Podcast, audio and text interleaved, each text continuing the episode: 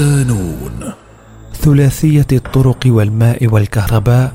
كيف تؤسس إسرائيل البنية التحتية للمستوطنات؟ مقال لندى بسومي ضمن ملف وكلاء الاستيطان يتعامل الاحتلال الإسرائيلي مع الضفة الغربية التي لا تتجاوز مساحتها خمسة آلاف وأربعمائة كيلومتر وكأنها ضمن حدود أراضي دولتها المصطنعة دون أدنى اعتبار للحكومة الفلسطينية ومساعي الحكم الذاتي الفلسطيني على أراضي الضفة بموجب اتفاقية أوسلو التي وقعتها منظمة التحرير الفلسطينية مع الاحتلال عام 1993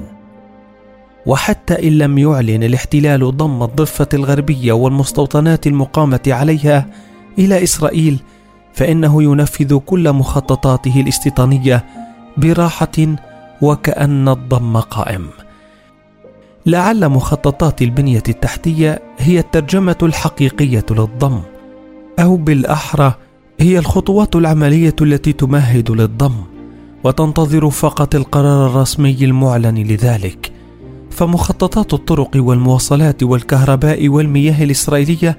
في مستوطنات الضفة الغربية متصلة ببعضها على حساب الوحدة الجغرافية للضفة وتأخذ فيها إسرائيل بعين الاعتبار أمن المستوطنين على حساب ما تبقى من أراضي الضفة الغربية.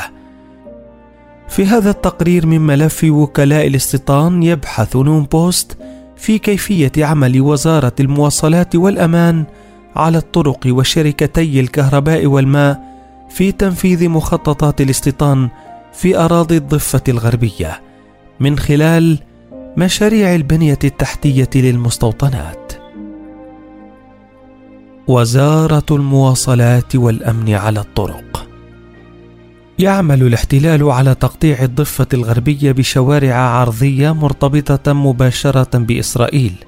كجزء من مخطط أعلن عنه عام 1993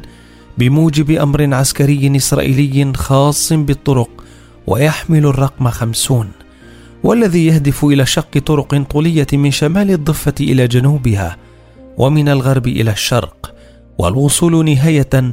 إلى تفتيت الضفة الغربية وحشر التجمعات الفلسطينية وربط المستوطنات ببعضها. ولضمان أمن المستوطنين أنشأت إسرائيل منظومة شوارع بديله مخصصة للمستوطنين فقط تسمى شوارع نسيج حياة شقت هي أيضا في اراض صودرت من الفلسطينيين تشمل هذه المنظومة انفاقا وشوارع التفافية تمنح مساحة يبلغ متوسط عرضها 150 مترا على كل جانب من جانبي هذه الطرق. يمنع فيها إقامة مبان سكنية أو تمديد خطوط للمياه أو حفر قنوات أو مد أسلاك من أي نوع، إلا بموافقة لجنة التنظيم الهيكلي الأعلى المكونة من الموظفين الإسرائيليين فقط. تخصص وزارة المواصلات والأمان على الطرق لدى الاحتلال نحو 3.5 مليارات شيكل نحو مليار دولار لمشاريع البنية التحتية المخصصة لتوسيع الشوارع والطرق الالتفافية بين مستوطنات الضفة الغربية وإنشاء شبكة مواصلات عملاقة بالقدس والضفة الغربية المحتلتين في إطار خطط فرض السيادة الإسرائيلية على الأراضي الفلسطينية المحتلة.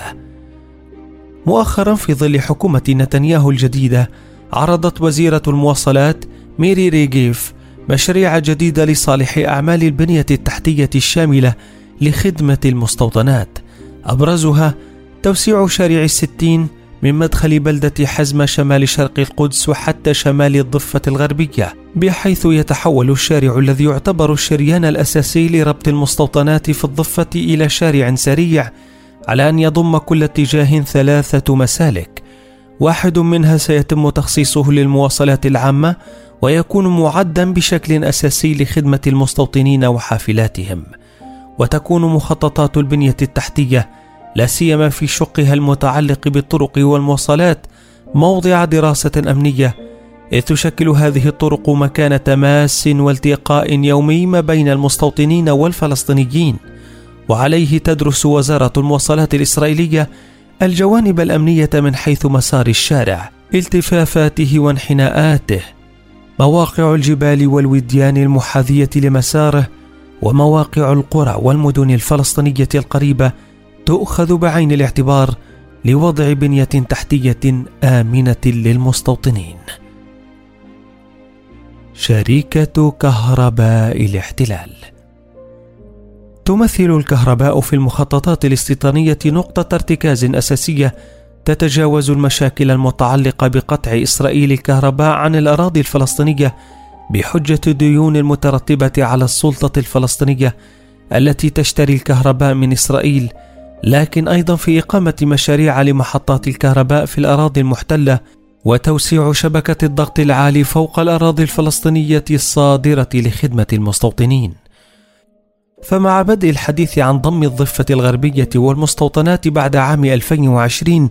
بشكل كبير وصريح، كشفت صحيفة يسرائيل اليوم العبرية أن خطة وضعتها شركة كهرباء الاحتلال تهدف إلى إمداد الطاقة على المدى الطويل في مستوطنات الضفة المحتلة وتدعيم المشروع الاستيطاني. حينها أعلن رئيس شركة الكهرباء الإسرائيلية يفتح رونتال بوضوح أن الشركة تقوم بالاستعدادات لإمكانية القيام بضم مستوطنات الضفة الغربية وأن الشركة تقوم على تطبيق خطة ستزيد بشكل كبير أعداد المستوطنين في الضفة الغربية. وبينما رفضت سلطات الاحتلال عام 2021 ربط آلاف المنازل في القرى العربية في النقب المحتل بشبكة الكهرباء بحجة أنها غير مرخصة كوسيلة ضغط على أصحابها لإجبارهم على مغادرتها ومن ثم هدمها والاستيلاء على الأراضي المقامة عليها. هذه المنازل لغرض إقامة مستوطنات جديدة عليها أعلن الاحتلال عن مخطط لربط الوحدات السكنية التي أقيمت في المستوطنات وكذلك البؤر بشبكة الكهرباء الإسرائيلية. وفي عام 2022 رصدت حكومة الاحتلال حوالي 29.5 مليون شيكل لتوصيل بؤر استيطانية عشوائية بالكهرباء والتخطيط لتدريبها. إلى جانب ذلك تطرح وزارة الطاقة في حكومة الاحتلال عن عطاءات لربط مستوطنات الضفة الغربية المحتلة بشبكة الغاز الطبيعي كجزء من الإجراءات العملية لمخطط الضم. شركة المياه الإسرائيلية بعد احتلال الضفة الغربية وقطاع غزة عام 1967 سيطرت السلطات العسكرية الإسرائيلية على مصادر المياه كافة والبنية التحتية الخاصة بالمياه في الأراضي الفلسطينية المحتلة. فقد أصدرت السلطات الإسرائيلية الأمر العسكري رقم 158 الذي نص على أنه لا يسمح للفلسطينيين إنشاء أي تمديدات مياه جديدة من دون الحصول أولا على تصريح من الجيش الإسرائيلي. حتى اليوم لا يستطيع الفلسطينيون خاصة المناطق الريفية والمناطق المصنفة جيم وفق اتفاقية أوسلو حفر أبار مياه جديدة أو تمديد مضخات مياه أو تعميق الأبار القائمة بالإضافة إلى حرمانهم من إمكانية الوصول إلى نهر الأردن وينابيع المياه العذبة كما يسيطر الاحتلال على عملية جمع مياه الأمطار في معظم أراضي الضفة الغربية. يستخدم الاحتلال مصادر المياه والوصول إليها كأداة رئيسية للحركة الاستيطانية وانتشار البؤر الاستيطانية وبحسب منظمة بتسليم الإسرائيلية لحقوق الإنسان في الأراضي المحتلة فإن المستوطنين يستخدمون ثلاثة أضعاف كمية المياه التي يستخدمها الفلسطينيون في الضفة الغربية في اليوم الواحد. بحسب منظمة العفو الدولية يبلغ معدل استهلاك الفرد الفلسطيني للماء 73 لترا يوميا وهو أقل من معدل استهلاك الفرد الذي توصي به منظمة الصحة العالمية وهو 100 لتر يوميا كما يصل معدل استهلاك الفرد من الماء بالنسبة إلى آلاف الفلسطينيين إلى 20 لترا يوميا في العديد من المجتمعات الرعوية في الضفة الغربية. في المقابل يبلغ معدل استهلاك المستوطن قرابة 300 لتر يوميا. وفي تقرير لصحيفة الجارديان فإن شركة ميكروت توفر لمزارع المستوطنات في قرى الضفة الغربية المحتلة مياها للزراعة بينما لا يملك الفلسطينيون في كثير من الأحيان ما يكفي من المياه للشرب. حيث يصبح من الصعب على المزارعين الفلسطينيين زراعة حتى محاصيلهم منخفضة الري مثل القمح والعدس والحمص كما أن تراجع الوصول إلى الأراضي والمياه بسبب التوسع الاستيطاني يعني مساهمة الزراعة في 2.6% فقط من إجمالي الناتج المحلي للأراضي الفلسطينية الآن. في الوقت ذاته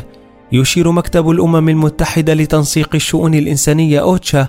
إلى أنه لا يسمح لنحو 180 تجمعا فلسطينيا في المناطق الريفية في الضفة الغربية المحتلة بالحصول على مياه الأنابيب كما أن جيش الاحتلال يدمر خزانات مياه الأمطار المملوكة للمجتمعات الفلسطينية. وأحصت أوتشا هدم السلطات الإسرائيلية لحوالي 160 خزانا فلسطينيا وشبكات الصرف الصحي والأبار في أنحاء الضفة الغربية والقدس الشرقية في عامي 2021 و2022 فيما تسارعت معدلات الهدم فخلال النصف الأول من عام 2023 هدمت السلطات نفس العدد تقريبا من منشآت المياه الفلسطينية كما فعلت في العام الماضي. تتكامل مخططات البنية التحتية من مواصلات ومياه وكهرباء مع العملية الاستيطانية في الضفة الغربية، وتقوم مؤسسات الاحتلال الحكومية